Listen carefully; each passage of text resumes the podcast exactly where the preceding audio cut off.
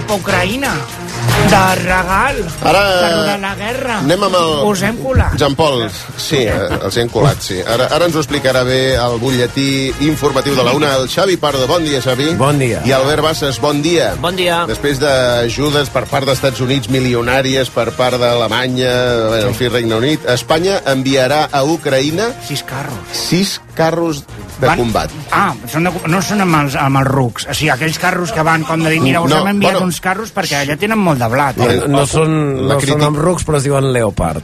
Bueno, és un altre animal, és un, és un altre mamífer. Això, és, això són els tanques que tenen, que el tenen allà aparcat, que foten. eh? Escolta, mira, Sis. saps què? Què fotem amb aquesta ferralla? Envia-la allà, que alguna cosa en faran. Eh? Bueno, és, és el típic regal enverinat. Un dia en parlarem també al programa. Aquests regals que et fan amb molta il·lusió als amics i acaba sent... Eh, ja estic parlant massa de mi. En fi, sí, sí, com sigui, aquestes són les notícies. Eh? Xavi, Sí, la- endavant, eh? La notícia és això, que el Ministeri de Defensa ha anunciat fa uns minuts aquest enviament de sis tancs de combat. Serà d'aquí un mes aquest enviament, a finals de març o principis d'abril. Fa, falta ajustar la data. Fins llavors, fins que s'enviïn un grup de soldats ucraïnesos, rebran formació per saber-los eh, pilotar. Des de Madrid, més detalls. Jordi Armenteres. Sí, ara ho dèieu, són tancs Leopard. La ministra Margarita Robles ho acaba de fer oficial. L'exèrcit espanyol, de fet, ja està formant conductors i mecànics ucraïnesos per un primer enviament de sis carros de combat. Si no hay tripulaciones que estén formadas adecuadamente no podrían utilizarse y estamos formando también las tripulaciones, ya han llegado 55, eh, de esos 55, 45 serán para tripulaciones y 15 para el mantenimiento. Nuestras previsiones son que a finales de marzo o principios de abril puedan ir estos seis Leopard que se integrarán dentro de un batallón con otros países y que además los podamos dar ya con las tripulaciones debidamente, debidamente adiestradas. Robles no vol donar més detalls de l'armament que s'envia i que s'ha enviat fins ara a Ucraïna, però sí que ha concretat que en aquest any de guerra Espanya ha enviat 54 carregaments a Ucraïna, no concreta de què. D'aquests 42 han estat amb avió i 12 per via terrestre o marítima. Més coses. Els càrrecs de la Institució de les Lletres Catalanes havien avisat Laura Borràs que incomplia la llei per la manera de contractar el seu amic Isaías Herrero. Fa uns minuts ha acabat de declarar al TSJ un testimoni demolidor sobre com Borràs va ignorar totes les advertències. Des del Palau de Justícia, Benet Iñigo. Qui va ser administradora de la ILC va veure clar des del principi que el projecte de renovació de la pàgina web de l'entitat era un projecte global i que s'havia de fer un concurs públic. Diu que no va ser l'única que va avisar Borràs, però que la líder de Junts va, va preferir seguir fent contractes menors.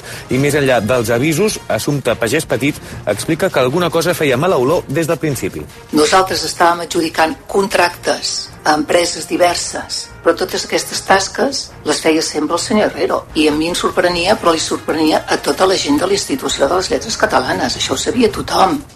Fins i tot va demanar apartar-se de tot aquest procés de contractació preveient que acabaria malament. Els Mossos d'Esquadra han detingut quatre homes acusats d'estar involucrats en una presumpta agressió sexual a una dona dins d'un domicili de Sitges.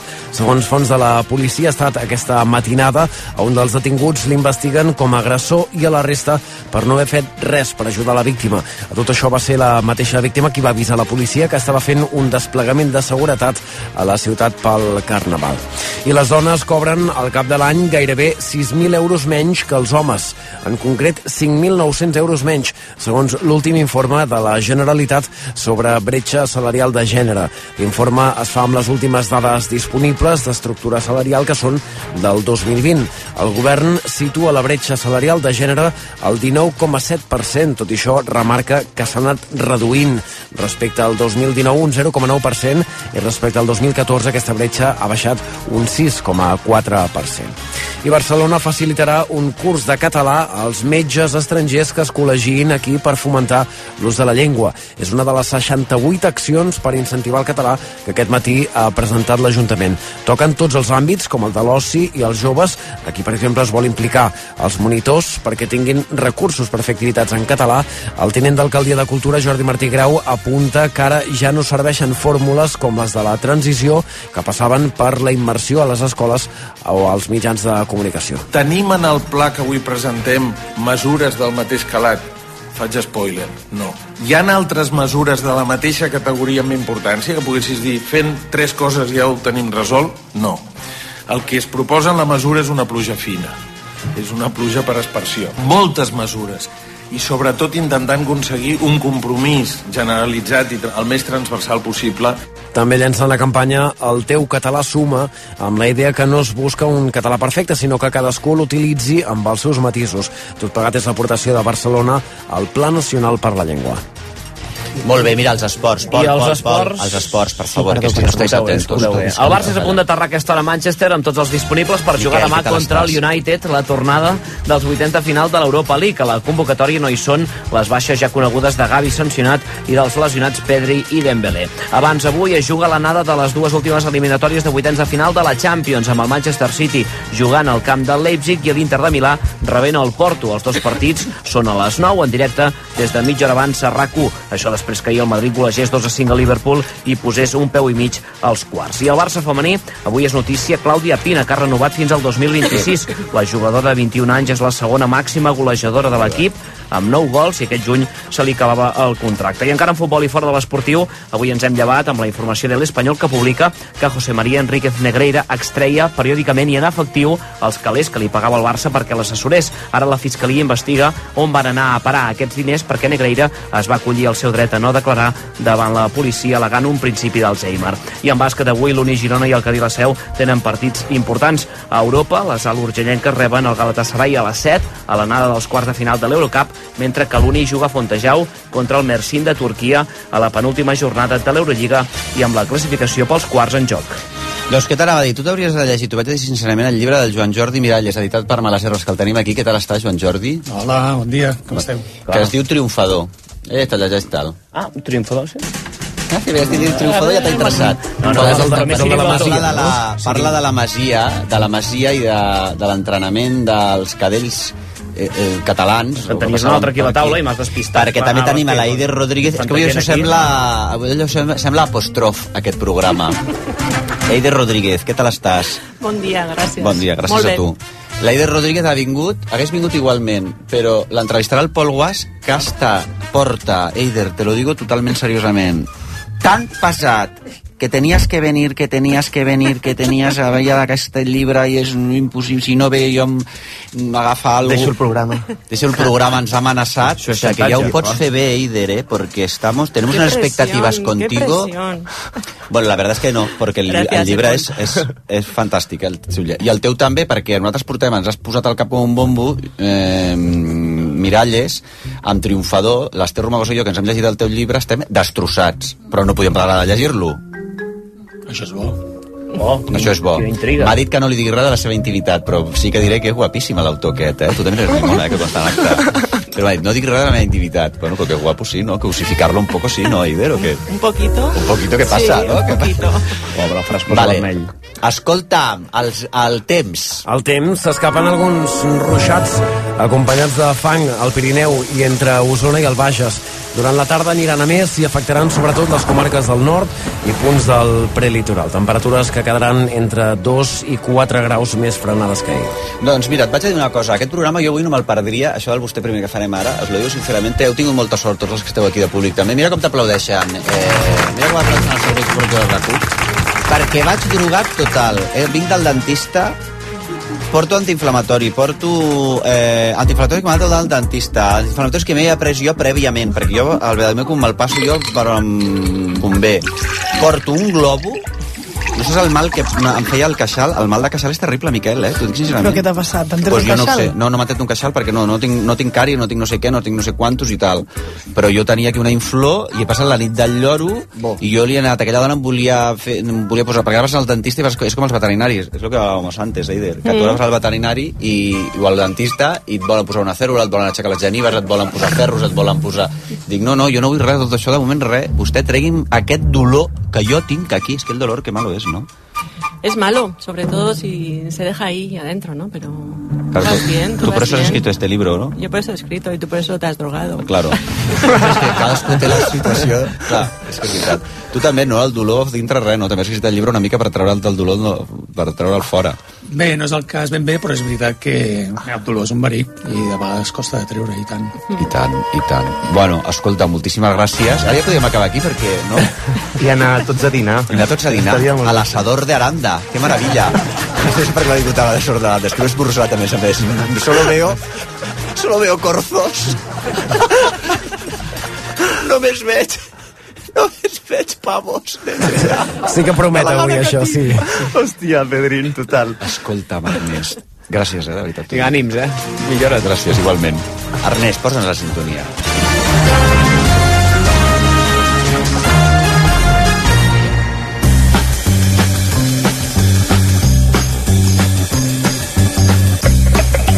Vostè primer.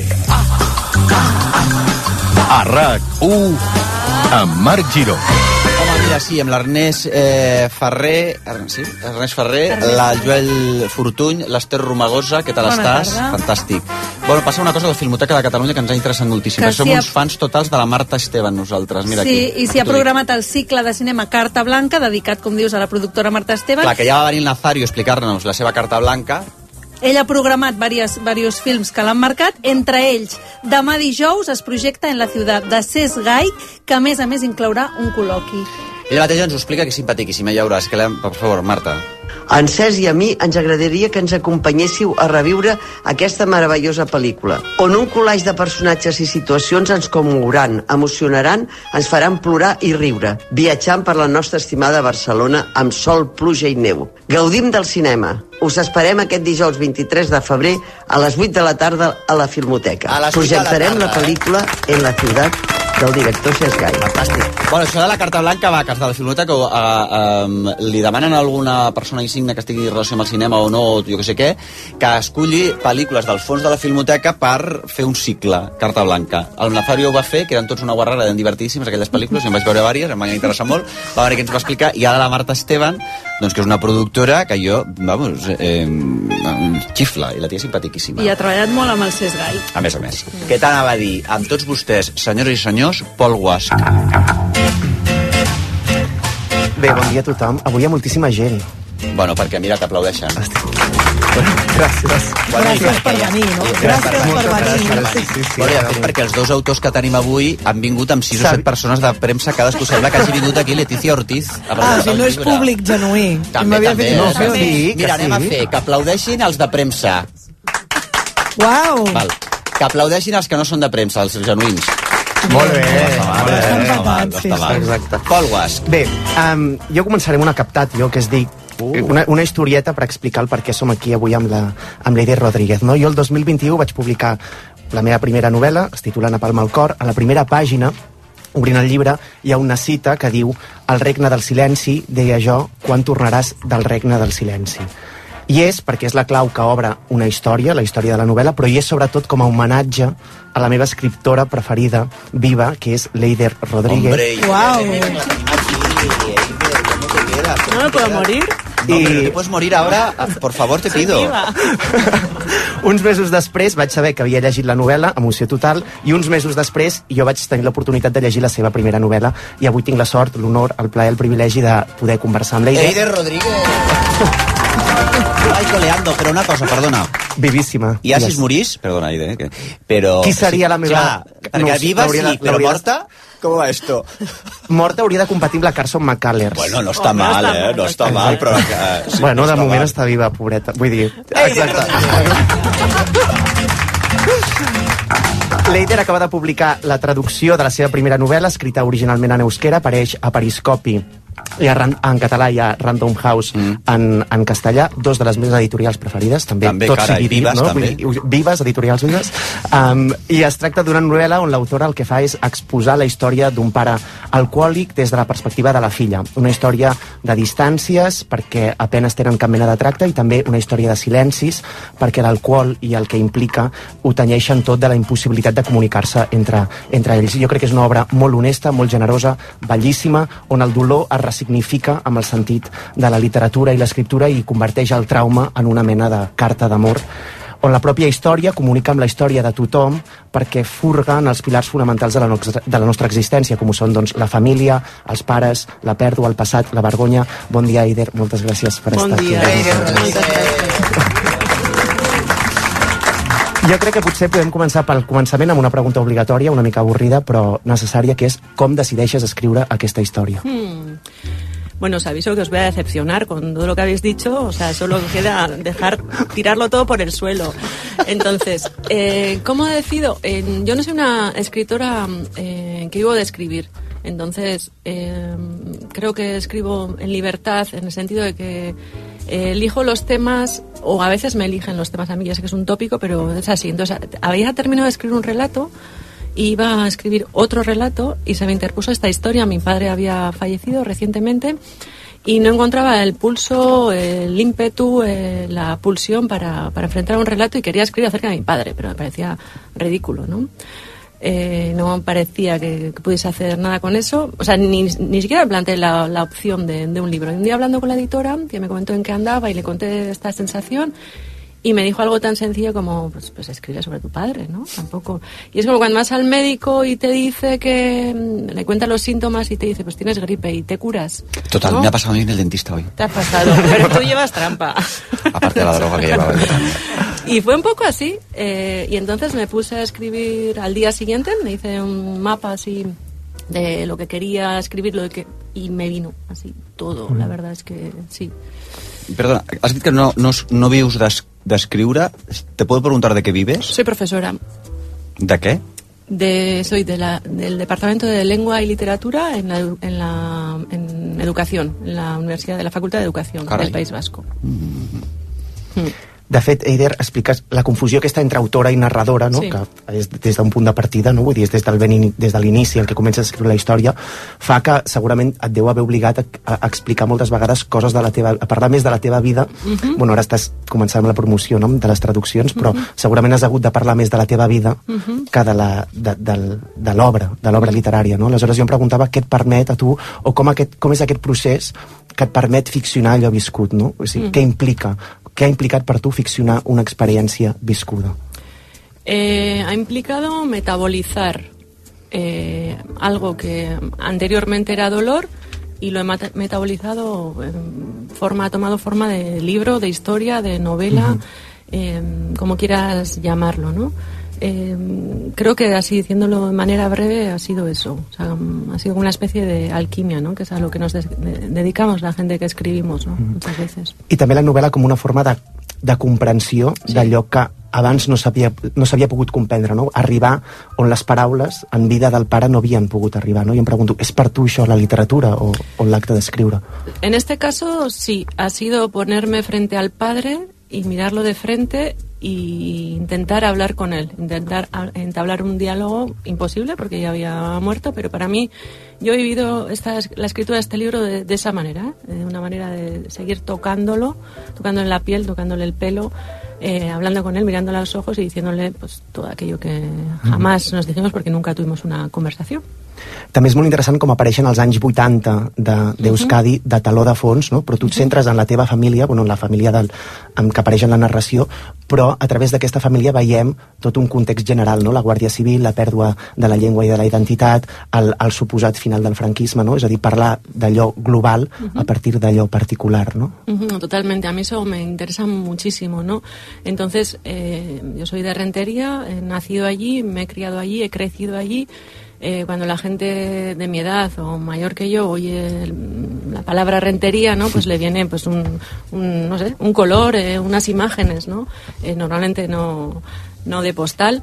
Entonces, a mí me interesaba mucho hablar de rentería, eh, pero de un piso de rentería, una familia en particular que había, bueno, pues que tenía unas circunstancias particulares, ¿no? Como tú me has dicho, pues el telón de fondo es la heroína, el conflicto vasco, eh, los diferentes fuegos, ¿no? Que había en el exterior. Y es lo que me interesa cuando a mí sí me gusta Daniel no es porque, eh, aparte de de leer sus propias vivencias, también estoy leyendo acerca de toda la clase a la que pertenece, acerca de una época, acerca de un lugar de Francia, no, no solamente, Mm. que también puede interesar, ¿eh? solo lo Mm. íntimo, pero quería expandirlo de alguna manera. Perdona, tu, eh, és que m'he quedat amb una cosa. Tu dius que, el, que no havies tingut mai una conversa amb el teu pare?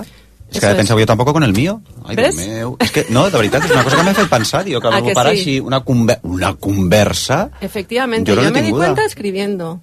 Claro, he hablado con mi padre porque vivíamos en la misma casa, ¿no? Pero Ya, una claro, conversación mínimamente seria, jamás. Pero de esto me he dado cuenta eh, escribiendo el libro. Me dado cuenta de muchas cosas, entre otras de esta. Carai, Aquest potser és, un, és una de les destruccions silencioses, no? perquè hi ha les, les grans destruccions, no? això l'heroïna, um, el, conflicte, el conflicte armat, etc. però després hi ha les, les destruccions silencioses, no? com podria ser l'alcoholisme, com podrien Mhm. ser els silencis familiars, no? que també destrueixen, no? Mm. també acaben amb les famílies, o també acaben amb, amb la manera de relacionar-nos entre nosaltres. Mm, Totalmente, sí. Eh, al final, bueno, eh, de la heroína se ha hablado mucho, se ha politizado la heroína, eh, tiene un componente social, se ha hablado de que alienó a toda una generación de jóvenes, etcétera, ¿no? Eh, es algo que no se puede ocultar, ¿no? Sin embargo, del alcoholismo parece ser que es una algo privado, ¿no? Íntimo que suceden a algunos sin ningún tipo de contexto. Me interesaba mucho hablar de esto, desde a pesar de que es una novela súper íntima, ¿no? Eh, pero también darle este contexto social. ¿Por qué sucede esto? ¿Qué, es- ¿Qué relación tiene con la pérdida de la lengua, con la pérdida de la identidad, si es que tiene alguna? Con los silencios, con la no, no mostrar afectos, con la soledad, con no entablar relaciones con, con la gente más próxima, ¿no? Y bueno, es lo que he intentado hacer, ¿no? Darle un carácter pues más colectivo también a, Aquest tema de la pèrdua de la llengua és un altre dels grans temes del llibre, també, no? Perquè el teu pare parlava euskera, després em sembla que segueix Perdió. comunic- lo perdió, parla en castellà. Tu parlàveu en castellà entre vosaltres, però el llibre l'has escrit en euskera, Mhm. i és en la traducció on t'adones que hi ha més dolor del que creies, no? Li explicaves ahir en Xavi Grasset, que jo crec que Sí. és interessant. Sí, eh, yo lo he etiquetado el libro como novela, ¿no? Al final no tienes que meter una etiqueta. ¿Y por qué novela? Porque no son personas, son personajes. Es un artificio, es un artefacto en el que yo coloco una historia, que es personal, es material autobiográfico todo, pero eh, no deja de ser eh, una novela. Entonces, eh, el hecho de haberla escrito en euskera, que es la lengua eh, en la que yo me he educado, pero en mi casa no se hablaba euskera, ni siquiera se entendía, eh, ha mm, supuesto que yo haya podido tomar una distancia respecto a esa familia, a esa vida propia e íntima y poderla convertir en novela. Pero, y el, el proceso de escritura, curiosamente, porque mucha gente me ha dicho que es triste, que es cruda, que es tal, ha sido muy gozoso. A pesar de que ya ha podido llorar o que no, pero ha sido gozoso, esa creo que es la palabra. Sin embargo, eh, la parte de autotraducción, que la he autotraducido junto con la traducción de Lander Garro, eso ha sido un infierno. Y creo que ha tenido que ver con el hecho de que al final, al pasarla a la lengua en la que hubiesen hablado esas personas antes de ser personajes, la distancia que marcaba el artefacto de la novela se desvanece. Entonces, de repente... ha El sido- parlar. Sí. Mm. Entonces ha sido difícil. Hi ha, hi ha, de fet, també al llibre una altra distància molt dolorosa, que és tot el tema de la vergonya. A més, un tema que m'obsessiona molt. De fet, un dia aquí vaig, mm, vaig parlar de la vergonya perquè o sigui, trobo molt bé com exposes la idea de la vergonya com un sentiment de classe. Mm. No? És a dir, com un sentiment que no sent tothom. No? És a dir, la vergonya no és una emoció universal, és una emoció que està travessada pels molt fac per molts factors. En, en aquesta novel·la està travessada per l'alcoholisme, està travessada per la classe, està travessada per la llengua, per la pèrdua d'identitat. No? Aleshores, si ens podries explicar una mica aquesta idea de vergonya que travessa el llibre Mm. d'alt a baix, com una emoció de classe. Sí, a ver, es un libro que hubiese preferido no haber escrito. Ujú. ¿Por qué? Por vergüenza. No, al final es por vergüenza, ¿no? Entonces, ¿Vergüenza de qué, perdona? pues de venir de una fama, o sea, de que la gente sepa, pues que mi padre era alcohólico, que yo era la hija de un borracho y todo lo que esto implica, ¿no? Entonces eso mm, a mí personalmente y creo que a la mayoría de la gente eh, le da muchísima vergüenza. Entonces esto ha sido una especie de conjuro Así como eh, los exhibicionistas muchas veces son gente muy tímida, pues esto ha sido un poco lo mismo, ¿no? Y querer pues destruir esa, esa vergüenza, ¿no? Hacer que desapareciese. Entonces, respecto al componente de clase, yo, eh, si no hubiese se- sido escritora, seguramente no hubiese podido hablar de este tema así. Entonces, es de alguna manera lo que eh, me ha permitido utilizar este material ¿no? feo y convertirlo en algo mm, bonito, pero en algo que tenga eh, otra función. ¿no? Entonces, yo Mm. eh, en el libro cuento cómo eh, esta niña, que viene de una familia trabajadora, clase media, que no tiene relación con la cultura, tal, eh, ella de repente intenta marcar la distancia, intenta desclasarse de alguna manera en su cabeza de esta familia a través de la cultura, de la literatura y se da cuenta de que, bueno, que su dolor o su forma de ser o su familia incluso podría tener cierto espacio y podría ser bien vista en un ambiente cultural en el que se podían embellecer este tipo de cosas, la decadencia, ¿no? Lo feo, lo, lo horrible. Entonces, eh, hace este viaje hacia la cultura y curiosamente y paradójicamente se da cuenta que a medida que va eh, avanzando en este viaje cultural, intentando desclasarse, toma conciencia de dónde viene y de su propia clase, ¿no? Entonces está, no sé si te he contestado, No, no, creo que no, pero Sí, ho hem de deixar aquí perquè som ciento de la madre, no? Para, Digues. Ciento de la madre, somos ciento de la madre. Pero al... Cuéntame de las plantas. Ah, las plantas, sí, bueno, eh, el padre de la novela y mi padre de verdad pues tenía cierta obsesión con las plantas, ¿no? Y la, y la niña y la mujer que están en el libro se quejan de que, ¿por qué eh, se ocupaba tanto de las plantas, ¿no? Eh, les quitaba las hojas que estaban ya marchitas, las regaba a conciencia, siempre tenía todas las plantas preciosas, sin embargo a ella nunca jamás le había preguntado qué tal estaba o le había intentado llevar a un sitio más luminoso, ¿no? Utiliza esa metáfora, ¿no? Para que le diese más luz. Y por eso están también en la, en la Claro. portada y durante todo el libro aparecen las plantas, sí. Tú eres muy aficionada a las plantas, ¿no? Sí. ¿Qué tipo de plantas o tienes mucha planta? Tengo plantas, tengo muchas plantas eh, y sí, bueno, pues no sé, de todo tipo. Pero en plan balcón o tienes una terraza. Tengo terraza tengo tierra. Tengo tierra también. Ah, o sea, tierra con planta con Tierra, tierra. tier- sí, Los de. Eres Terratenienta. Mira, qué No vivo en. Endaya, que allí son así. Las casas urbanísticamente son así, no es que sea... Pero sí, tengo todo. También lechugas. Avui Ah, l'Eider lechugues, serà a les 7. Això. Avui serà, seràs a les 7. A les 7. Eh, merda, he desconnectat... Perdó, perdó, perdó, perdó. perdó. Mira que no estaba tan la- precioso, ¿no? la- Todo, las plantas, el tal, el padre, la vergüenza, todo el rollo de la patatín, no sé qué, autoficció, la literatura... Que avui... pues, No, no, és que sempre... ¡Ay, la- merda, el micro! L'Ernest em diu, no toques el micro, Nos però com no sé què fem, poso a tocar programa. Vamos coses. súper bien, sabes Vinga. que damos un clima y viene I el uno y no se trenquem. lo... Y no, Avui a les o es 7 él o seràs... Marc, vinga. A les 7 seràs a la llibreria Finestres amb la Llucia Hòstia, presentant la novel·la. Periscopi, Random House, Mhm. Material de construcció, materials, materials de construcció. Eider Rodríguez. Eider Rodríguez. Moltes gràcies. No marxeu perquè, senyores i senyors, amb tots vostès, Esther Romagosa. Ens acompanya Joan Jordi Miralles, Exactament. que ha presentat uh, una nova novel·la que es diu El triomfador i que d'entrada t'hem de dir que mm, Ens ha destrossat. sí, hi ha moments que has d'aixecar la vista i deixar de llegir perquè colpeja moltíssim, suposo que això t'ho ha dit a molta gent Eh, sí, la veritat és que sí. Eh, gràcies per donar-me espai. Eh, és un plaer ser aquí. Admiro moltíssim el programa i sobretot el Marc. Eh, també trobo que és molt guapo. Ja que... Gràcies, també tornar aquest piropo, no, si final- evidentment, i dir-vos eh, doncs, que sí, eh, efectivament el llibre eh, és un llibre contundent, és, és, jo crec que és una de les funcions que té també la literatura, no? eh, defensar una certa contundència no? i que no deixi indiferent doncs, els lectors i les lectores, per descomptat. És un llibre que hi ha també molt de silenci, com en el cas de l'Eider, vergonya, silencis, vergonyes, també molt de dolor i molta, molta violència. Expliquem, el protagonista és l'Ulisses. Què li passa a l'Ulisses? Sí, bé, és una novel·la de formació que pràcticament el que fem és assistir no, a uns anys molt importants no, per qualsevol xaval no, eh, que té 13 anys i que de cop i volta li donen, eh, li ofereixen una oportunitat extraordinària, no, que és formar part del planter del Barça cosa que no, no tothom no, té, té aquesta oportunitat.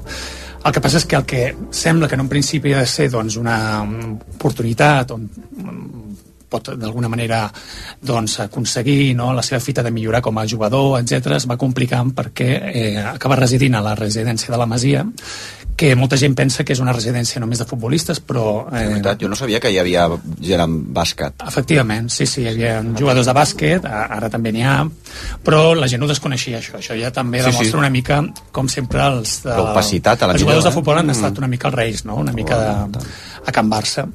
I llavors això bé, genera una sèrie de confrontacions entre els residents no? que mm, no només formen part de la ficció sinó, també de la, de la realitat perquè jo de fet vaig viure a la Masia Ara. i tinc una mica coneixement de causa en aquest sentit. Clar, no són confronta confrontacions únicament, o sigui, descrius episodis de violència gratuïta, d'humiliacions, d'agressions, no sé, hi ha un cas que fan vomitar un nano i menjar-se el vòmit, els despullen, els posen sota dutxes d'aigua freda, els, els peguen amb tovalloles humides despullats.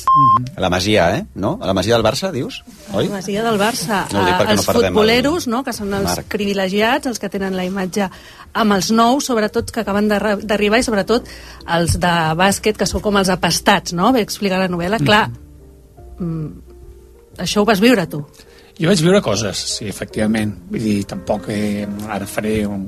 Eh, començaré a passar la llista no, de les qüestions que em van passar. Jo crec que la, la meva funció, no, una mica com explicava molt bé l'Eider, no, és convertir no, eh, una realitat que un ha viscut d'una determinada manera i convertir-la doncs, això, no, en una obra doncs, que pugui servir per tenir una altra funció, no, segurament, i que d'alguna manera repeteixo, no? per mi la literatura consisteix en intentar donar llum no? a indrets que en un principi poden semblar que estan amagats, no? ja sigui de manera personal o que formen part d'una realitat. No? I crec que aquesta és una, una mica la funció. Per tant, jo sí que recullo no? experiències personals, experiències també d'altres residents, coses que vaig veure, i que la meva funció és una mica aglutinar tot això i, i destil·lar-hi doncs, una, una ficció, no? perquè per atrapar precisament el, el, el lector. Sorprèn per això, eh, en tots aquests episodis, la, no apareix cap adult. És a dir, van passant coses a la Masia terrorífiques. A més, descrius molt el terror d'estar, de saber que pot ser qualsevol víctima d'aquests agressors, no?, i d'estar en estat d'alerta, ah, i no apareix cap adult que Mhm. supervisi, que per tant aquests nanos actuen amb total impunitat. Mm -hmm. Era així. Bé, jo, el meu propòsit no era ser fidel a aquella realitat, perquè això seria poc ficcionable, no? no seria novel... per, a l'hora de novel·lar-ho seria difícil, i fins i tot diria que poc interessant. Quan un comença a transformar no, una certa realitat, sí que hi ha connexions amb el fet personal, no?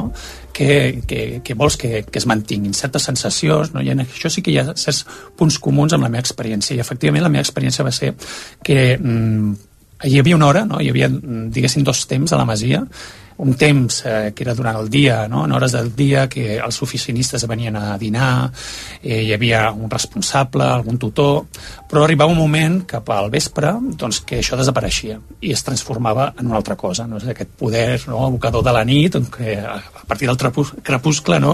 Tot, tots els personatges sembla que es transformin. No? Doncs semblava una mica això. Llavors, per una banda, teníem això, no? aquesta manca de responsables, no? i per una altra hi havia també doncs, el fet que era una colla de nanos, no? adolescents, doncs, que allà imperava una mica la llei de la selva o la llei de la força. El club no ho va saber mai. Bé, aquesta és una bona pregunta que jo no puc respondre perquè jo no m'he entrevistat amb responsables del club per saber si ho sabien o no ho sabien o feien la vista grossa o no. Eh, en tot cas, eh, no sóc jo qui puc respondre, no? perquè això està ambientat als anys 90, Mhm. de fet, i, i apareix Jordi Cruyff, de, de jovenet, diguéssim, perquè en aquell moment és Johan Cruyff l'entrenador i és el famós equip del Dream Team. Mhm. També apareix Pep Guardiola. Per què fas aparèixer personatges Bé, es tracta una mica també de donar per semblança no? al, al llibre i són situacions, evidentment, que parteixen d'una realitat no? i que, per tant, vols que s'acostin a la veritat. No? Eh, mencionar aquests noms que són mediàtics, coneguts, doncs en un principi gairebé es pot dir que són un homenatge que no pas una altra cosa. Mm -hmm.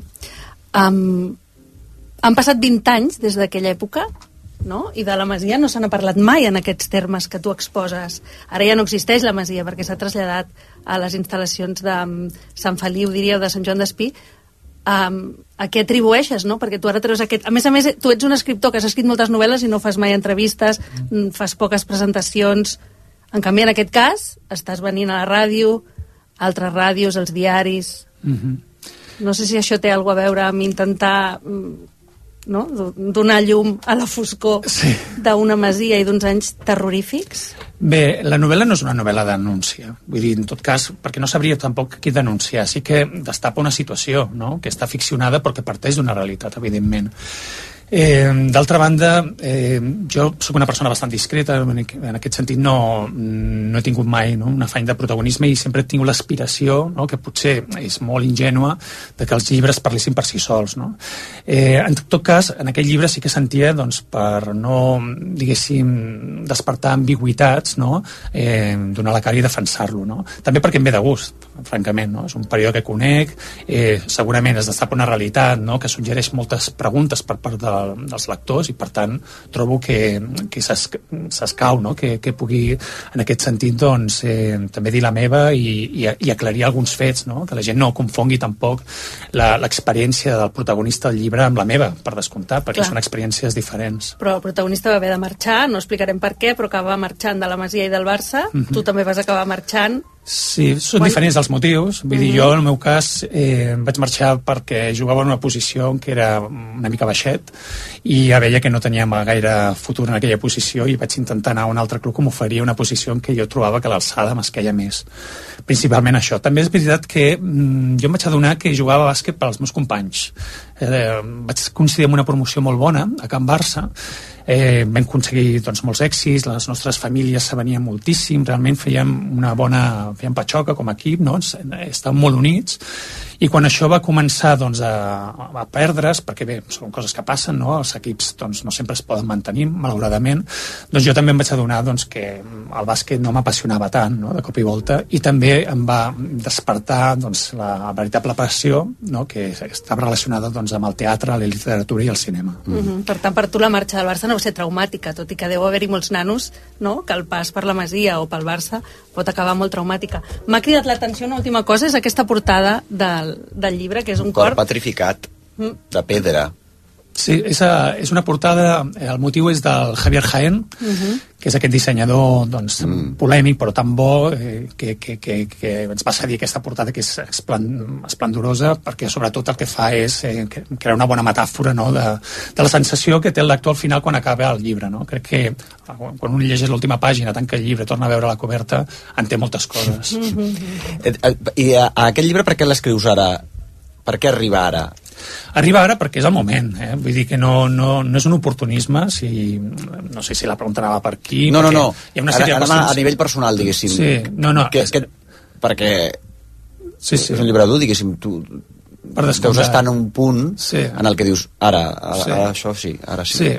No, no és una qüestió tampoc eh, de- d'escriure un llibre terapèutic, no? I que ara he fet net i no, no, no va per aquí la cosa, Mhm. simplement doncs, que el llibre ara té la forma no? que un considera que està disponible perquè es pugui llegir no? de la millor manera no, no hi ha en tot cas doncs, una reflexió interior en què un diu ostres, ara no és el moment, ara no em sento segur no, no, ara és el moment en què el llibre havia de sortir perquè estava no? amb aquella tensió quan un llibre ha de ser ja publicat finalment. Tu creus que la Masia passa al, passen a la- a l'actual Masia o Uh -huh. Passen coses com les que descrius al llibre actualment, en l'actualitat, perquè clar, no és el mateix dels 90 que ara, hi ha un altre tipus de cultura, hi ha un marc però podria ser que passessin coses similars a les que descrius en aquest llibre, la qual cosa seria un problema Mm.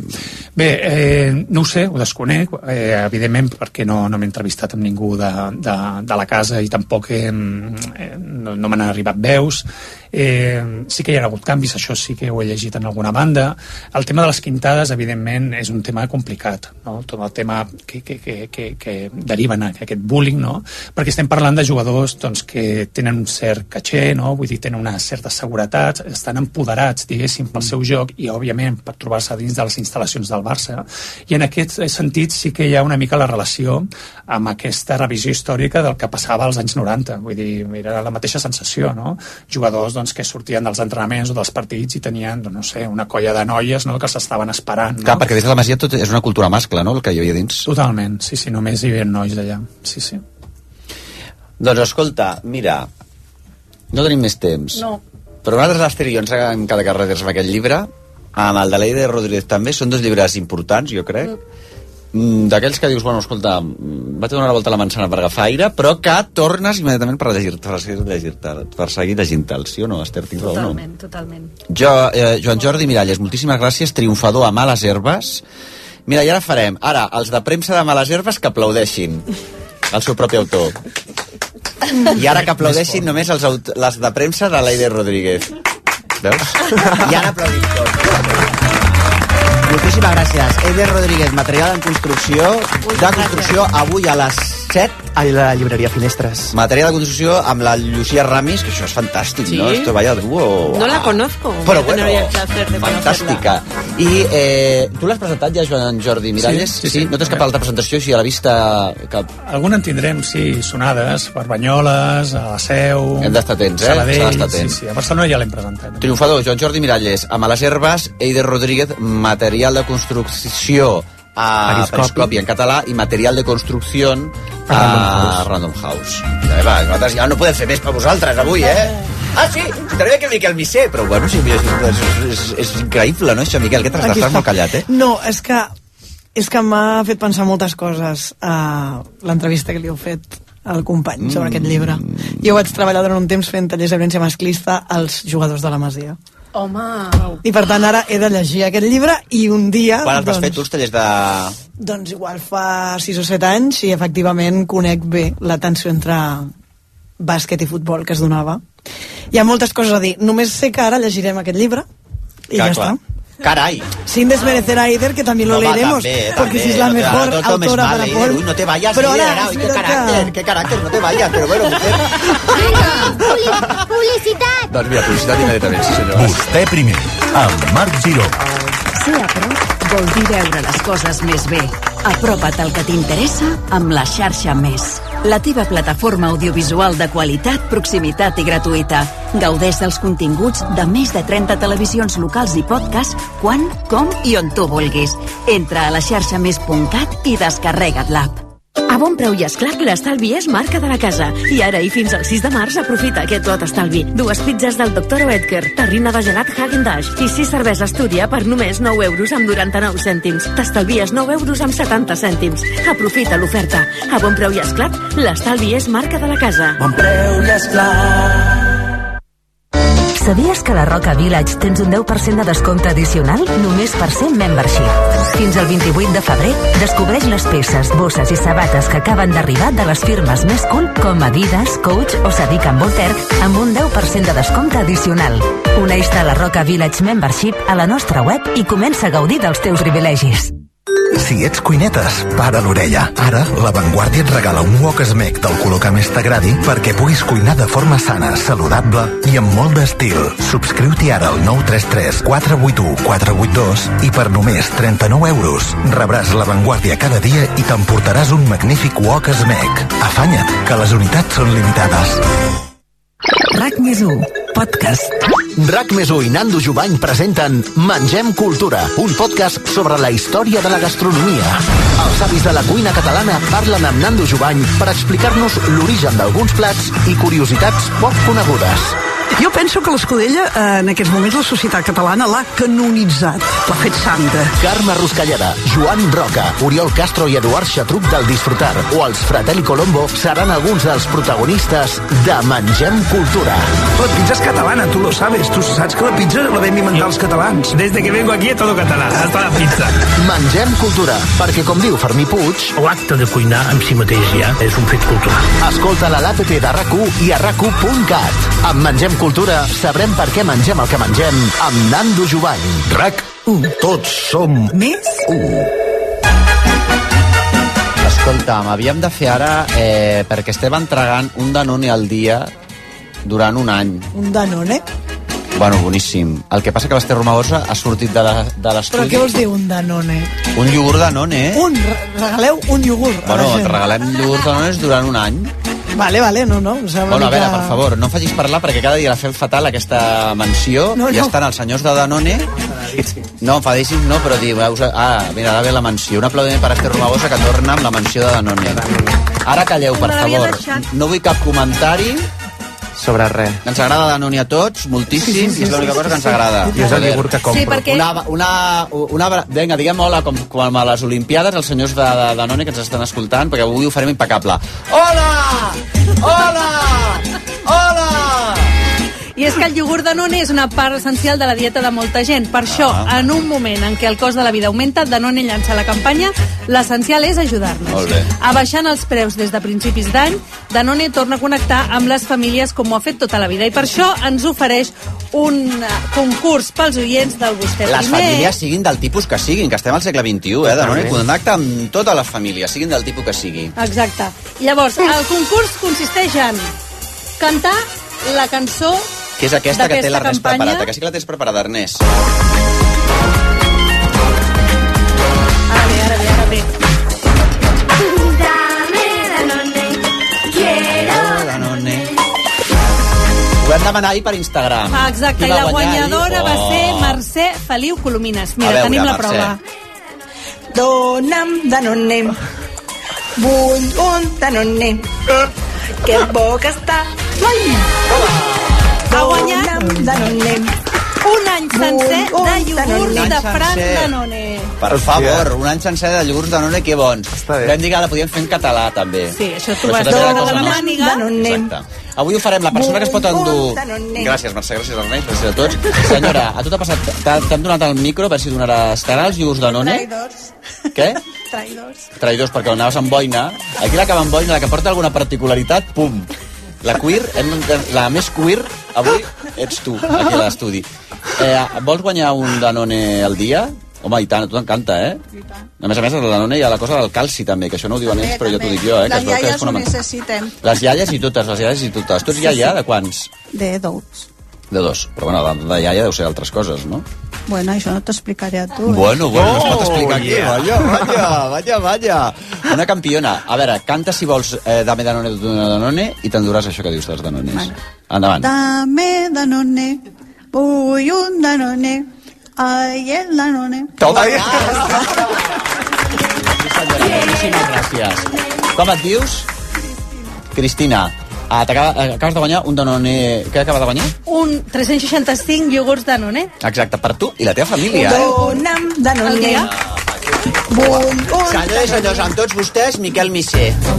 Molt bé, allà vamos. La setmana passada vaig assistir Tu què ets, un... més de Danone o de whisky? Hòstia.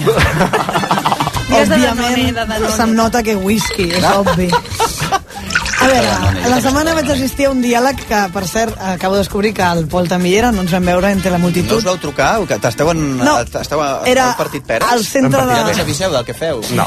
No, era el Centre de Cultura Contemporània a Barcelona i era un diàleg entre la sociòloga Eva Illuz i el filòsof i periodista cultural Eudal Espluga, Carai. dos pensadors que recomano perquè ens estan ajudant amb els seus treballs a reflexionar, a analitzar amb complexitat el context capitalista en el que vivim i quins impactes té en la nostra subjectivitat. El seu diàleg va abordar mm, temes molt diversos, però jo voldria rescatar-ne una de les moltes coses que em van dir, un comentari que va fer Bailluz, certament provocador, però com sempre estimulant, que m'ha portat doncs, uns dies de reflexió, a tu també, Marc. A mi també. Per situar-nos, l'Eva Youth, per qui no la conegui, és una sociòloga franco-israeliana que s'ha interessat molt en com la cultura del capitalisme té impactes en la forma en la qual configurem les nostres emocions.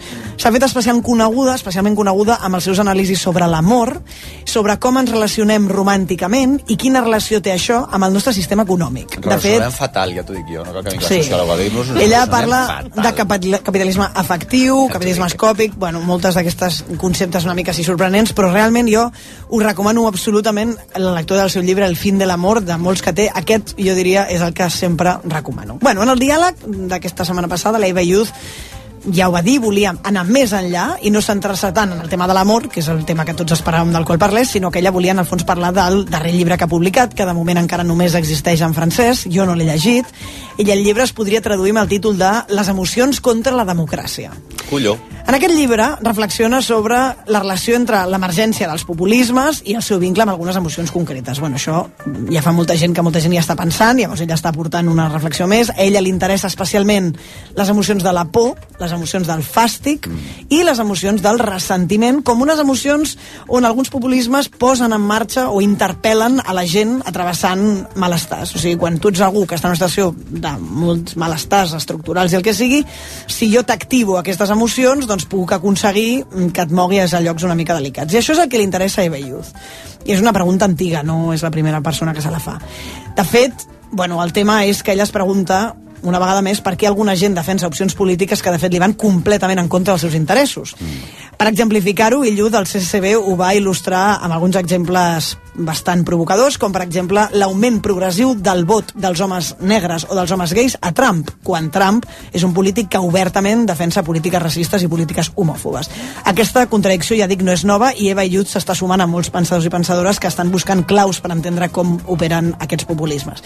I efectivament, moltes d'aquestes claus ja les tenim sobre la taula. Aquests discursos polítics el que fan és interpel·lar sectors que tenen molts malestars, inseguretats estructurals, que senten molta desorientació en les nostres societats actuals i des d'aquí els arrosseguen al seu camp. I és en el marc d'aquestes reflexions que Eva Youth va dir una frase la setmana passada que m'ha tingut pensant tots aquests dies i que jo la volia deixar flotant aquí a la ràdio per si inspira altres. No és políticament correcta, però em sembla interessant explorar-la. Tampoc és que jo hi estigui necessàriament d'acord o no, però crec que és un interruptor que ens obliga a fer-nos preguntes. Eva Youth està parlant en aquell moment de que les transformacions en el nostre imaginari sexual i de gènere han fet un canvi extraordinari en els darrers 40 anys. I avui en dia estem en un nou paradigma respecte als rols de gènere, la llibertat sexual i l'expressió del desig, que Eva Youth diu, home, realment és una transformació molt, molt forta per la gent que ha viscut l'evolució, home, doncs ens hem mogut de lloc d'una forma molt, molt forta. No? Llavors explica que aquest canvi ha agafat a molta gent desorientada, que aquests nous discursos xoquen amb la cosmovisió mental de moltes persones que per la seva trajectòria, el seu sistema de creences, la seva edat, el seu marc ideològic, doncs els hi desperta rebuig, incertesa, inclús fàstic. No? I són aquestes emocions al pou on els populismes d'extrema dreta van a buscar la gent. Llavors Eva Lluz, per abordar aquesta dinàmica, es pregunta al CCCB en veu alta i amb aquesta frase en qüestió, diu, aquí ve tota la qüestió, ella diu, podria ser que haguéssim anat no massa lluny, però potser massa ràpid? ella ho diu, i molt més poètic en anglès, diu not too far, but too fast. No? Ho va dir dos o tres vegades, i a mi em va semblar una aproximació bastant compromesa amb sortir de la lògica pluralitzada i de reconèixer que els malestars que moltes persones senten en aquesta transformació cultural del gènere i la sexualitat són complexes. O sigui, lluny d'una mirada simplista, Eva Illud es pregunta si a la mateixa velocitat que hem sacsejat aquestes estructures, ens hem assegurat que tothom pugui elaborar-les, processar-les, reubicar-les, sobretot aquella gent que pateix ja moltes desigualtats estructurals i potser un dels pocs llocs de certesa que li quedaven era una determinada orientació del món en relació al gènere i al desig. I jo hi penso aquests dies i volia només compartir la reflexió. No sé exactament què en penso, però deixo la hipòtesi d'Eva Llut sobre la taula. No és que haguem anat massa lluny, però potser per alguna gent hem anat massa ràpid. Sí? Exactament. Delicat, bueno, això delicat. Jo em vaig, em va patar el cap perquè també eh, l'Anna Guitarra, l'Ara, Sí. sí. va, ho va escriure i també li va de, cridar l'atenció aquesta frase eh, i bueno, ja hi pensarem, no? Perquè ja hi pensarem. Jo només et diré que tinc la sensació que totes aquestes qüestions de gènere i aquestes qüestions del desig es donen de forma transversal. Sí, sí, sí. El que passa que el qüestionament d'aquestes estructures que abans ordenaven molt la vida, avui en dia és molt fort. I el que dir va ràpid és el desig, o el que també va, jo noto molt ràpid, és l'aplacament d'aquest desig per aquestes estructures que deies no sé, no sé quantos, no sé què. Vull dir que a vegades aquí jo no sé qui és més ràpida, perquè la Correcaminos t'asseguro que és la de l'ultradreta, que van pillades aquestes. Bueno, eh? Jo crec que ella està fent una pregunta complexa de... Quan en algunes escoles, algunes famílies es queixen de que no es parli de segons quins temes, és senzillament perquè són d'extrema dreta? I perquè realment és que no volen que el món avanci? O és perquè hi ha aquí un xoc que hauríem d'elaborar amb complexitat? Perquè o si no crear podem... un espai per parlar-ne amb... Bueno, és bé. que podem acabar estigmatitzant Això també sí. a molta altra gent perquè té una n'hem amb això. No? amb tu, eh? Tens Jo tota crec que té, raó. té una lectura paral·lela, amb, a veure si comparteixes amb mi, eh, Miquel, amb el femini, feminisme. És a dir, es parla molt de la nova masculinitat i el feminisme. Jo penso que el feminisme està com tres passos endavant d'aquesta nova masculinitat i que, per tant, es podria entendre que no és que estem anant molt lluny, sinó que anem molt ràpid i hi ha certs homes que encara estan, no?, Sí, és és de, ella està parlant efectivament de, de de per què molts homes tenen... Bueno, ella posa el, el cas paradigmàtic en la seva conferència de per què hi ha un augment del vot d'homes negres o homes gais a Trump, no? Diu, bueno, potser en algun moment hem, hem de pensar-ho, això, perquè clarament va en contra dels teus interessos, però llavors què t'està interpel·lant a tu? Pues, bueno, Mhm. I aquestes preguntes crec que són molt incòmodes, Molt incòmodes, però crec que està bé que de tant en tant circulin, Després també hi ha una altra cosa que la gent eh, podria entendre. Jo comprendria, per exemple, que a tu et fes fàstic o que jo, jo, jo per exemple, soc homosexual, soc gai, no? el que en dèiem abans als anys 80 homosexual, ara que soc gai, no sé com es diu ara, bueno, tot això. Doncs que jo fes fàstic. Sí, sí. Bueno, Jo és que alguns de nosaltres fem fàstic. Jo el fàstic Sí. que jo puc arribar a generar, Sí. ah, soc super respectuós amb aquest fàstic que jo a vostè li genero, però no passi a l'acció. Això és molt Vull interessant, també. Vostè, sí, sí. el Té seu dret a odi, sentir seu fàstic. pa... Home, però només faltava. Però no passi a l'acció. I tant, clar. Que això és el que hem de construir conjuntament. I no passar a l'acció vol dir no estomacar el que et fa fàstic ni acabar amb ell, diguéssim, físicament, i a millor tampoc votar Trump, diguéssim. Ara jo estic a favor de l'odi i del fàstic, jo l'entenc, el seu odi i el Sí. seu fàstic, jo l'entenc l'entenc Però perfectament. té límits, no? Hem de tenir una discussió ètica. Vostè té dret a sentir fàstic, jo tinc dret a viure. Visqui, visqui interiorment. Sí, sí. Jo, també, jo, jo també estic a favor de la, que la religió s'ha de viure interiorment, diguéssim. Sí, sí. Aquest és el debat que vull tenim sobre la taula. millor, ara no diré, no, no que estigui en contra de les processos de Setmana Santa perquè m'encanta un ritual i un liu a tope, però bueno, no, no et diré que no haurien de desaparèixer de la via pública i que cadascú faci la processió. La, allò de la processió va, Va por, por dentro, dentro, totalment. jo estic a favor total de la processió va por dentro, carinya. I jo entenc que jo pugui fer fàstic, però un fàstic horrorós. A mi també hi ha una quantitat de coses que em fan fàstic i jo m'aguanto que a casa meva, ja a casa Sí, meva sí. penso, ui, quin fàstic em fa això i després m'obro un, una Coca-Cola i me la bec amb gel o amb llimona, de vegades depèn del dia sí que vaig drogada, sí escolta, posa'ns una mica de publicitat Vostè primer, Divinament. amb Marc Giró.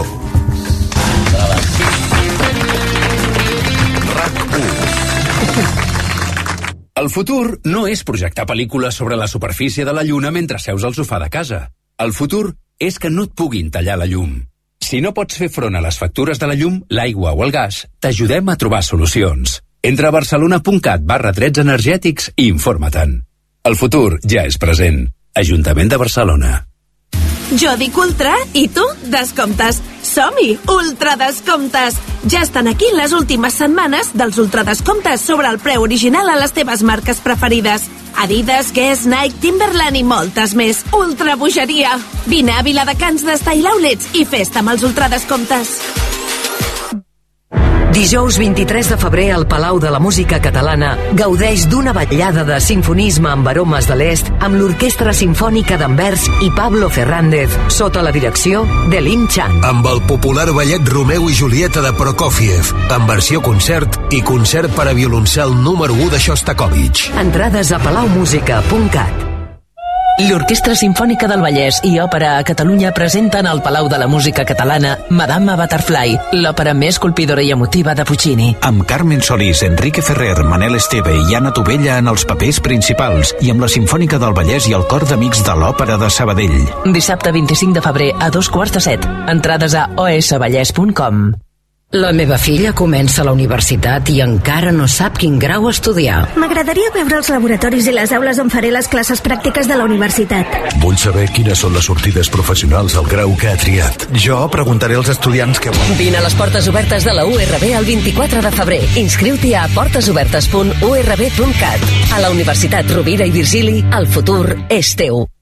Individu, propietat i competència. El sistema neoliberal puja a escena en una comèdia on l'humor més negre i absurd es posa al servei del discurs més polític. Els ocells de la calòrica. Noves funcions fins al 19 d'abril al Teatre Poliorama. A Hyundai et portem del cotxe més venut d'Espanya a la tecnologia més innovadora, amb motors híbrids lleugers, híbrids o híbrids endollables. Per això, ara tens un Hyundai Tucson per 340 euros al mes, amb el nostre renting a particulars, amb tot inclòs. Hyundai, potencia el teu món. Més informació a hyundai.es. Mundo Deportivo és molt més. És veure espectacle, on altres només hi veuen futbol. És veure màgia, on altres només hi veuen bàsquet. És veure estratègia, on altres només hi veuen MotoGP. Si llegeixes Mundo Deportivo, hi trobes molt més. Mundo Deportivo. Ho donem tot. RAC més 1, podcast.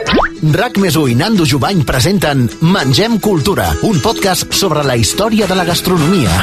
Els avis de la cuina catalana parlen amb Nando Jubany per explicar-nos l'origen d'alguns plats i curiositats poc conegudes. Jo penso que l'Escudella, eh, en aquests moments, la societat catalana l'ha canonitzat, l'ha fet santa. Carme Ruscalleda, Joan Roca, Oriol Castro i Eduard Xatruc del Disfrutar o els Fratelli Colombo seran alguns dels protagonistes de Mengem Cultura.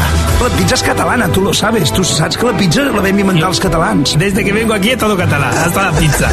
Mengem Cultura, perquè com diu Fermí Puig... L'acte de cuinar en si mateix ja és un fet cultural. Escolta-la a l'APP de rac i a rac Amb Mengem Cultura sabrem per què mengem el que mengem amb Nando Jovany. RAC 1. Tots som més 1.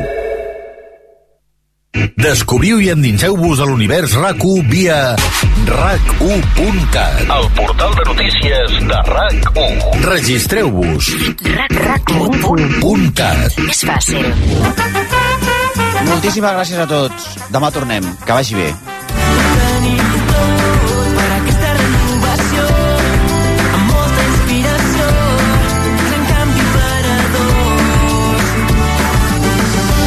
Bauhaus, tot el que imagines per la reforma del teu bany i cuina.